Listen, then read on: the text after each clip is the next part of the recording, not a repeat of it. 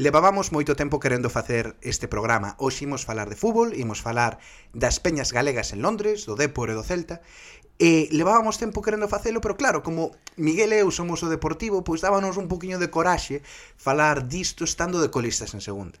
E agora que, grazas a Fernando Vázquez, logo das sete vitorias consecutivas, logo de sair do descenso e de que haxa partes do deportivismo que están comezando a mirar no playoff, pois consideramos que era o momento o momento caído de falar de fútbol e falar das peñas. E ademais, para que os saibades, a idea do programa ten unha orixe moi particular, porque xurdiu no concerto en Londres de Herdeiros da Cruz. Si, non se pode non ter unha orixe máis galega. Que, que se xuntaron aí os presidentes da Peña do Celta e da Peña do Deportivo, e, bueno, acabou aí mesturándose todo e xurdindo a idea deste programa. Así que hoxe imos falar do peñismo deportivista e celtista no Reino Unido. Dentro, dentro. Think about Brexit? What, what's that? Like? Order! The nose to the left, 432. With the light, with the music, very welcome everybody here. A Brexit question in English, if you don't mind. Bueno, no, hombre, no vamos a hacer. Venga, adelante. ¿Quiere usted hacer el puñetero favor de largarse de aquí y de... No va usted a hacer nada ya. Would you like a cup of tea? Yeah, sure. Go on, have a cup of tea. Thank you, thank you.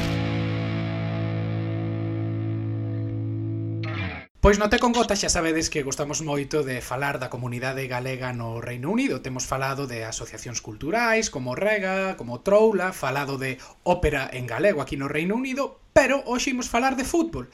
Imos falar das peñas eh, do Deportivo e eh, do Celta aquí en Londres, de RCD London e de London Celtas. Eh, por iso temos con nós a voceira de, dos London Celtas, a María Sabarís. Hola, María. Hola, que tal, boas? E temos tamén o vicepresidente de RCD London, Sergio Gantes. Hola, Sergio. Hola, que tal? Bueno, pois Imos comezar con esta, esta conversa de fraternidade entre dúas afeccións preguntándovos un pouco, bueno, como nacen, como, como comeza eh, pois este movimento das peñas do Celta e do Deportivo. Imos comezar con María, que está en minoría porque está sendo entrevistada por dous deportivistas, así que imos darlle ese, ese privilexio. Contanos un pouco, como, como nace London Celtas, María? Pois, a ver, eh, London Celtas nace, supoño que como todas as peñas, pola necesidade de ver os partidos do Celta e de un pouco en comunidade, porque ao final eh, éramos moitos celtistas en Londres, cada un na súa soledade das súas casas vendo os partidos do Celta, hasta que a, a Iria, que é realmente a nosa, a nosa fundadora, se lle ocorreu poñer no, nunha páxina que había de, de, de Facebook que se chamaba Celtistas en Londres, que non sei que pasou con ela. Oe, se alguén estaría interesado en facer unha peña do Celta. E a partir de aí, pois eh, xuntámonos un grupo moi pequeno de seis, sete personas e eh, empezou aí, pero a idea funda, o sea, a orixe é a necesidade de ver os partidos do Celta e sobre todo os derbis, porque eh, sempre acabamos vendo os celtistas os partidos, do, o sea, os derbis co, coas peñas do Dépor e eso non podía ser, porque éramos ademais minoría, entonces eh, bueno, naciu, naciu deso, da necesidade de, de ver en comunidade os partidos do Celta, de sufrir e alegrarse, claro. Entendo que isto foi hai, hai pouquiños anos, non? Bueno, eso, foi hai cinco... Este ano facemos eh, o noso quinto ano. Novembro, máis ou menos, é eh, o noso quinto aniversario.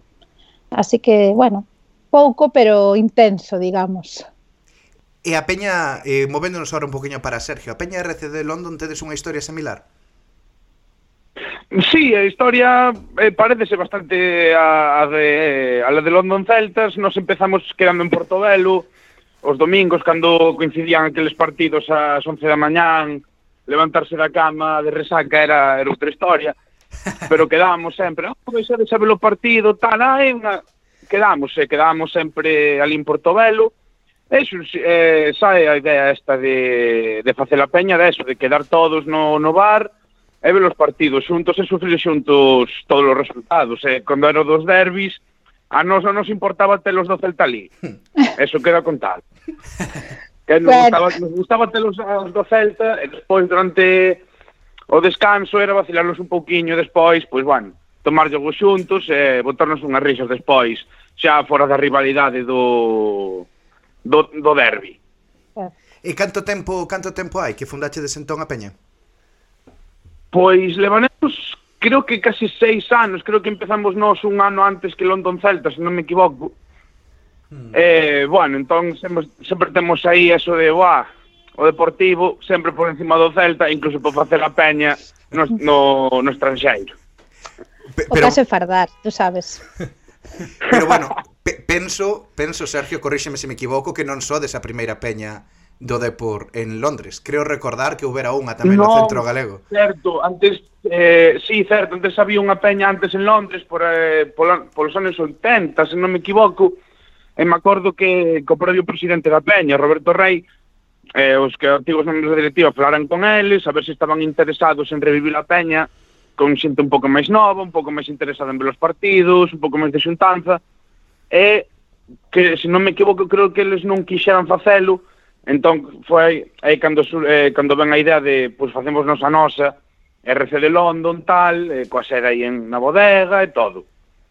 E mira, agora que, me, que, que falades pois, das sedes, eh, é fácil ou como de, de fácil ou de difícil é conseguir que aquí en Londres pois un bar ou, ou un pub poña partidos eh, da Liga da Liga Española en, o, en, en algúns casos en primeira e noutros eh, en segunda. María, como conseguichedes vos sendo seis persoas ao principio, non? Moi nos, nos, nos comezos que un pub comezase a, a poñer partidos partidos ao Celta de xeito regular? Bueno, a ver, nos eh, en principio eh, a nosa idea era ter eh, queríamos ter a sede nun bar que había en, bueno, nun bar é que non non me lembro moi ben o nome do bar.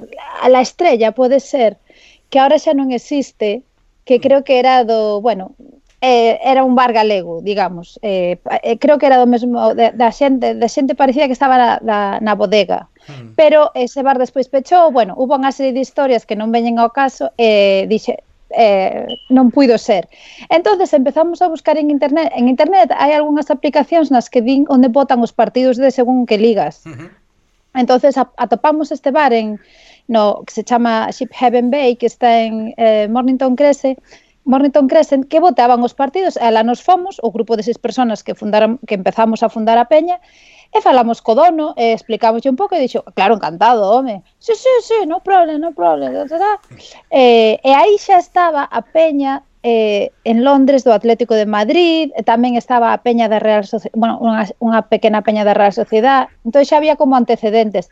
E a partir de aí, pois sempre quedamos ali. É verdad que tivemos moitos partidos para moitos problemas para ben para ver moitos partidos, sempre hai líos, eh, pero bueno, agora últimamente está tranquila a cousa porque porque a liga xa ten un, ca, un canle aquí onde bota fútbol, pero pero eh, sempre eh, cando hai moita xente hai líos, pero bueno, máis ou menos imo, imos imos levando, porque é un club de fútbol, digamos, é un club irlandés que se adica a votar fútbol, entonces non é tan difícil. Sergio, no caso do Deportivo, como, como de difícil é? Ao mellor, bueno, para que os saiba a xente que nos escoita de fora do Reino Unido, agora que temos a desgraza de estar en segunda división, votan os partidos eh, ao vivo no YouTube. Non sei se iso axuda a poñer as cousas un pouco máis fáciles.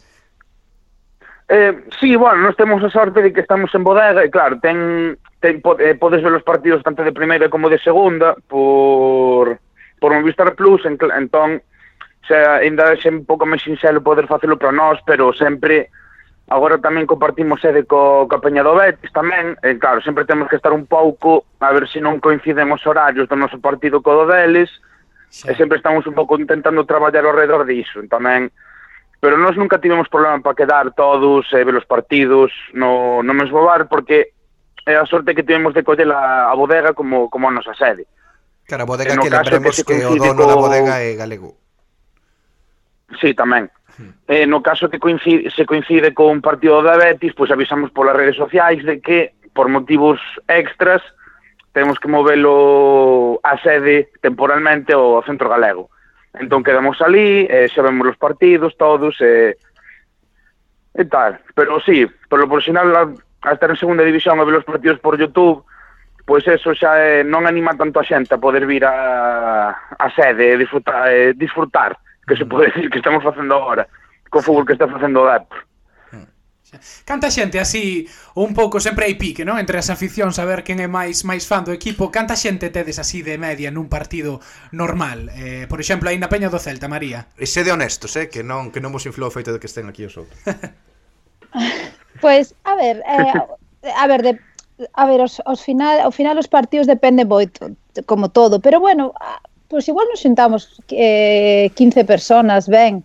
A ver, por exemplo, creo que este fin de semana eu non fun e eh, había pouquiña xente, pero tamén depende dos horarios. Todo isto depende un pouco. Cando son de mañán ou de día e tal, pois, eh, pois xuntamos ben 15 personas ou así. Mm. Pero, sí, a verdade é que ven bastante xente a peña. Hai, hai cando son entre semana igual menos, pero ven bastante bastante xente porque o pub está bastante céntrico, non é tan difícil, digamos, a final está en Canden, que é unha zona, bueno, entre comillas, céntrica e tal. Eh, sí, por aí 15 personas ou así. Sergio, no Depor, notouse o efecto Fernando Vázquez últimamente? Sí, bueno, estamos aí a verse agora cas, ca sétima consecutiva este venres ben máis xente a ver o partido connosco pero sí, pero, pero tamén é un pouco o mesmo caso que temos co, co Peña do Celta, non? Que depende tamén os horarios e o día, pois a xente pode vir máis ou menos. E claro, agora tamén é os horarios dos, dos domingos a primeira hora, pois moita xente non lle apetece vir a, mm. a sede, sobre todo se vives bastante lonxe do centro, que no noso caso. Sí. Pero polo xeral, un bo sábado así podemos xuntar tamén 15, 20, 20 personas fácil. Sí, e sempre hai xente que, que vilo por fora, claro, sempre, sempre hai xente que está a pasar por, por fora do bar e, ai, mira, están botando fútbol, ai, o Depor. E quedan e animan connosco e eso está moi ben tamén para que a xente poda coñecer de que o peñismo existe fora do, do territorio do español. Claro. Sí. Ah, antes ah, non, falaba... non sei, No, Perdón, no, só so, quería engadir que supoño que lle, pa, que lle pasa tamén a, a Peñado de porque hai moita xente que moitos peñistas de outras peñas de Vigo, de bueno, de Vigo, de, de do Celta, de, to, de moitas partes que cando veñen a Londres sempre contactan con nós porque pois pues, se coincide o partido lles apetece ver o partido, é unha hora así destas última hora da tarde, tal, sempre se achega moita xente, o sea, coñecimos a moita xente de outras peñas que veu a que veu a Vigo e contactounos para para ver o partido con nós. E a eso fai así tamén un pouco de, herma, non sei, digamos, irmandade coas, coas outras peñas do, do Celta. Claro, claro. Falabades sí, no noso caso peñas? tamén é bastante parecido, que sempre contacto nos a peña, por exemplo, un ano vin a pera, vin, eh, viñera Peña de Berín, o fai unha semana ou dúas tamén viñera os que faltaban, tamén coñecemos xente de, da Peña de Noroeste Turco, tal, e sempre quedamos, intentamos quedar, se están por aquí, pois quedar todos en xuntanza e, e ver os partidos, claro.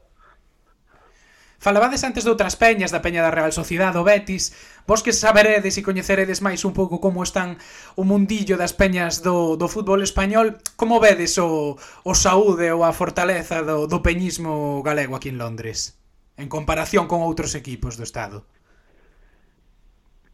Eh... Home, pois, que por agora, bueno, non sei se saberá máis peñas do, de equipos galegos, supoño que sí, pero bueno, creo que pouco a pouco estamos un pouco intentando expander a marca de Made in Galicia, que lle podemos chamar desto de peñismo, de, de sustanza de galegos, e deixar un pouco rivalidades estas fora, e, e dos días destes como un troido e tal, quedamos todos xuntos, e se pode quedar, e podemos quedar todos tranquilamente, botar unhas risas con todo.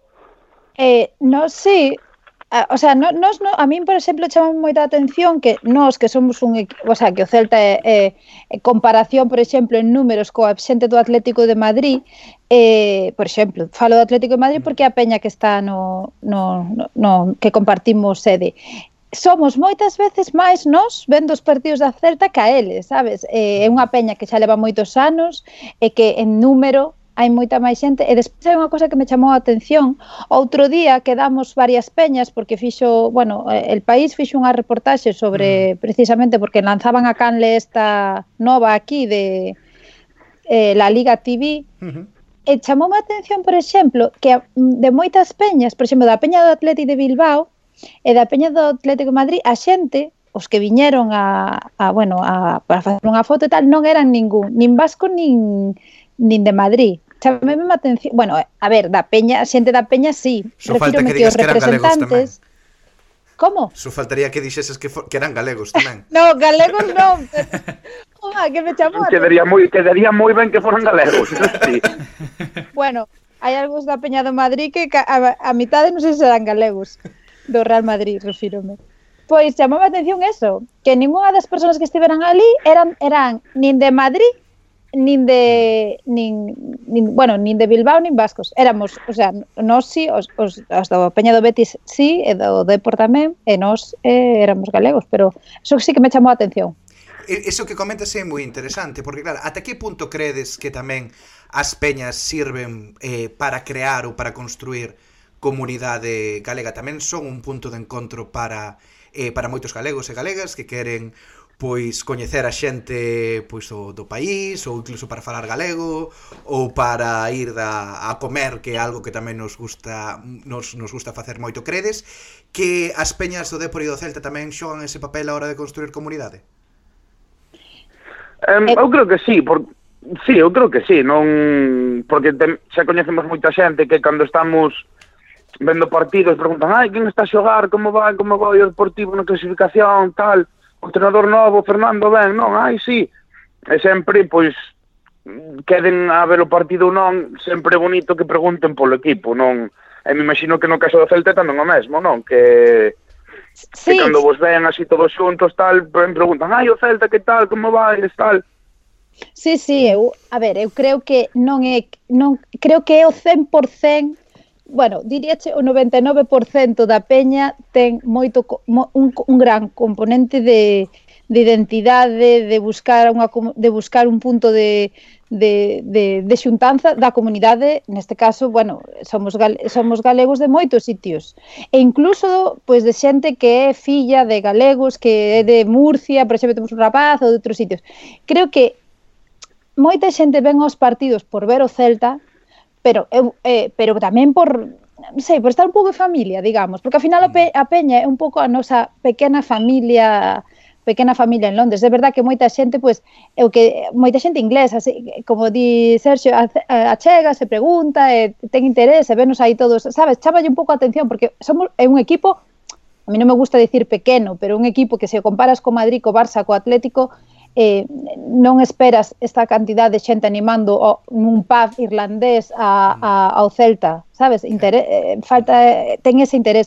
Pero é verdad que non é só unha peña de fútbol. Es, non é só unha peña de fútbol porque hai moita xente que ven por pola comunidade, pola polos vínculos que xeras coa túa casa, coa túa cultura, co te, coa túa identidade.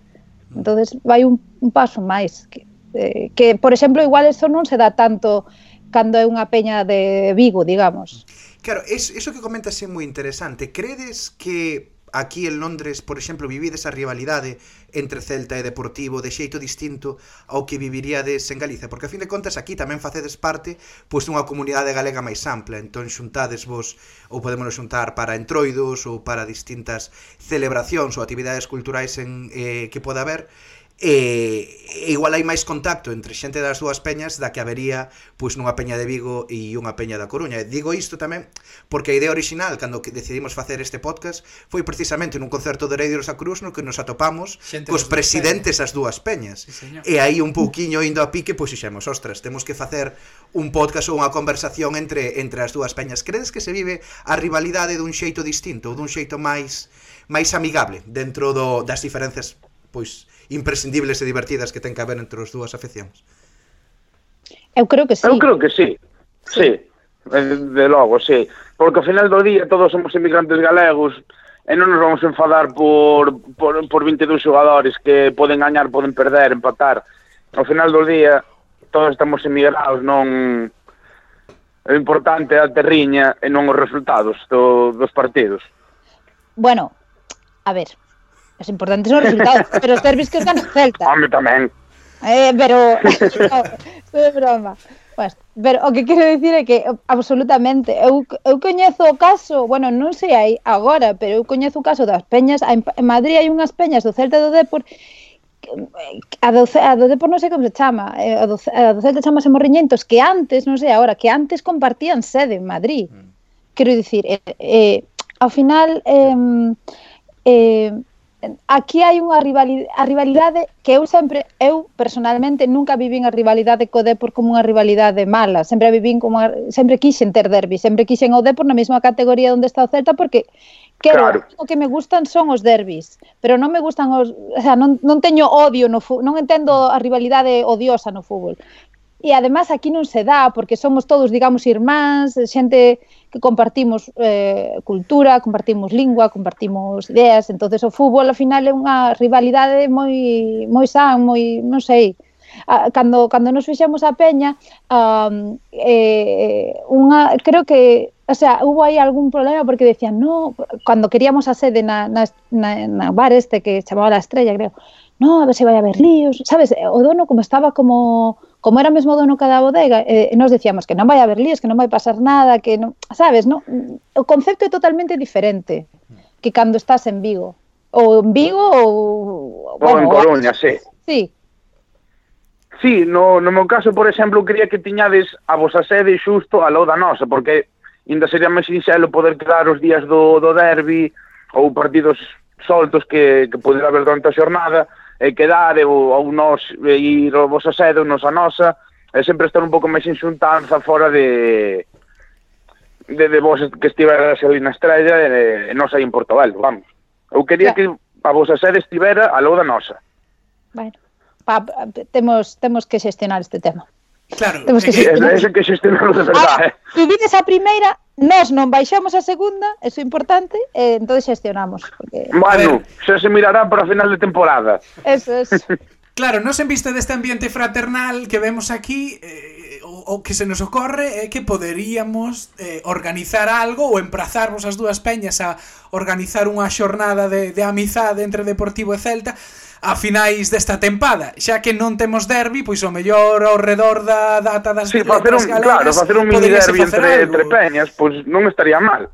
Sí, pois un, xa sexa un partido, unha comida, unha competición de futbolín, o que sexa porque non é verdad, porque sí. nós eu, eu non vou moita moito pola bodega porque eh, pero por exemplo, hai moita xente da peña que seguro que Sergio os coñece da nosa peña que está moito moito na bodega, eh, sí. eh, sodes, o sea, so, son, son xente que, que se, o sea, que son, digamos, amigos, que comparten, salen, tal. Entonces, eh, realmente nunca nunca nos propuxemos facer nada, pero é verdad que, que sempre que sí que sí, sería guai porque non sei. Entón, a ver, nós o que queremos é un compromiso. María e Sergio, Yo... aquí compro... comprometedesvos. vos diante da comunidade galega eu sí. a intentar organizar eu sí. un acto conxunto de eu cara tamén, final de temporada. Pero eu non son a presidenta, que no. despois ven o presidente dime, pero pero que fixeches?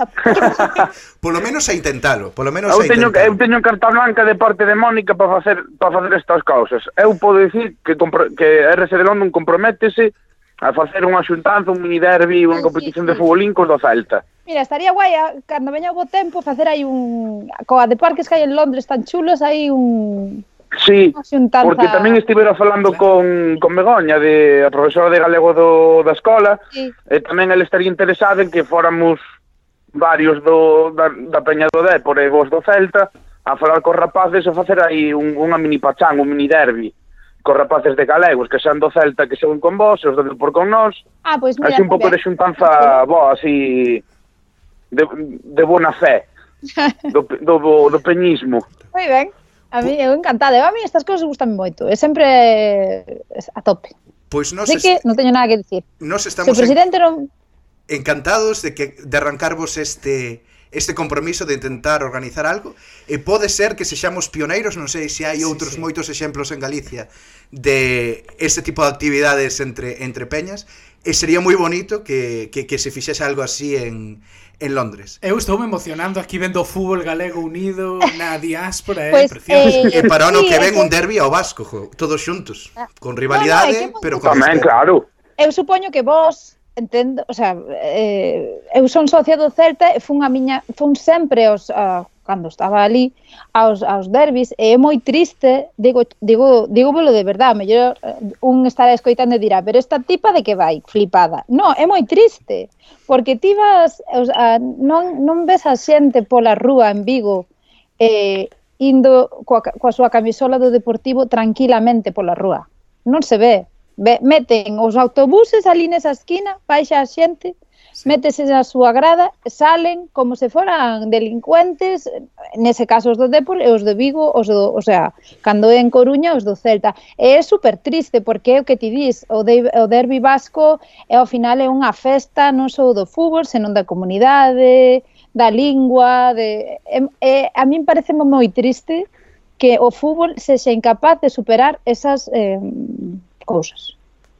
Entonces, sí, aí, terra, aí, aí María sí que ten razón, pero eu creo que tamén o peñismo, eh, esta maneira que temos de, de vivir o fútbol, creo que tamén está cambiando un pouco en Galicia polos derbis, non? Sí. O botarnos tantos de menos un aos outros.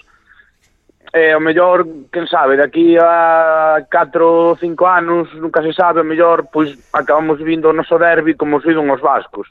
Quedan todos sí. despois a tomar copas, a vivir, pois, eso de que son galegos e, e Galicia e despois o partido o partido despois pois fora rivalidades tontas e turbias destas Sí, porque ademais eu, eu que dis ti, eu creo que sí que está cambiando porque eu coñezo, eu vivín en Coruña e coñe, teño moitos amigos do Depor e, e sempre vivín con eles o mesmo que agora, non? A rivalidade moi Sí.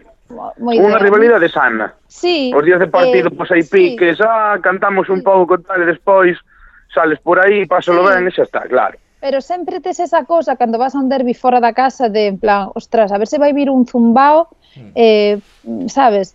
Pero creo que a maioría da xente nova, a mentalidade é totalmente diferente. Entonces, sí, sí. que creo que, que sí que está sí que creo que está cambiando. A, a, a mellor se o ano que ven temos derbi, pois pues xa as cousas... Sí, esperemos que sí, xa, se, xa da igual que sea en primeira ou en segunda. Primeira. Dar, en primeira. Hombre, a ver, se en segunda, se en segunda tampouco íbamos chorar, eh. Mentras haya derbi, sí, como se en segunda vez. Se en segunda. como se en segunda vez o derbi. Mentras terminámoslo, eu estou contento.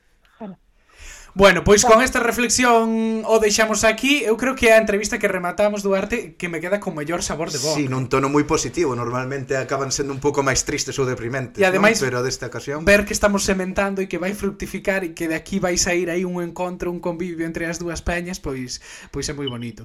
María, Sergio, moitísimas grazas. No, moitas gracias a vos. Nada, gracias a vos.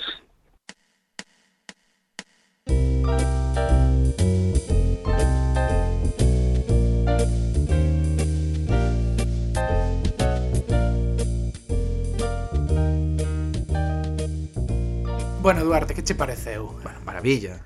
No, non, nunca tivemos unha, un final de entrevista tan positivo, tan alegre sí, eh, como Sempre este. falando das miserias de Galicia, de que cambiarías... E hoxe nada, hoxe xa pensando pois, en que se pode facer aquí, eh, solidaridade entre, entre aficións, Vigo-Coruña... Non, a verdade, a verdade é algo moi moi positivo. De, da entrevista, realmente eu creo que me quedo con, con dúas cousas. Unha é o papel que xogan as peñas a hora de construir comunidade galega, moitas veces parece que só nos centramos pois nos aspectos eh, culturais a nivel pois, de, de música ou de gastronomía ou de, outros, ou de cine, etc.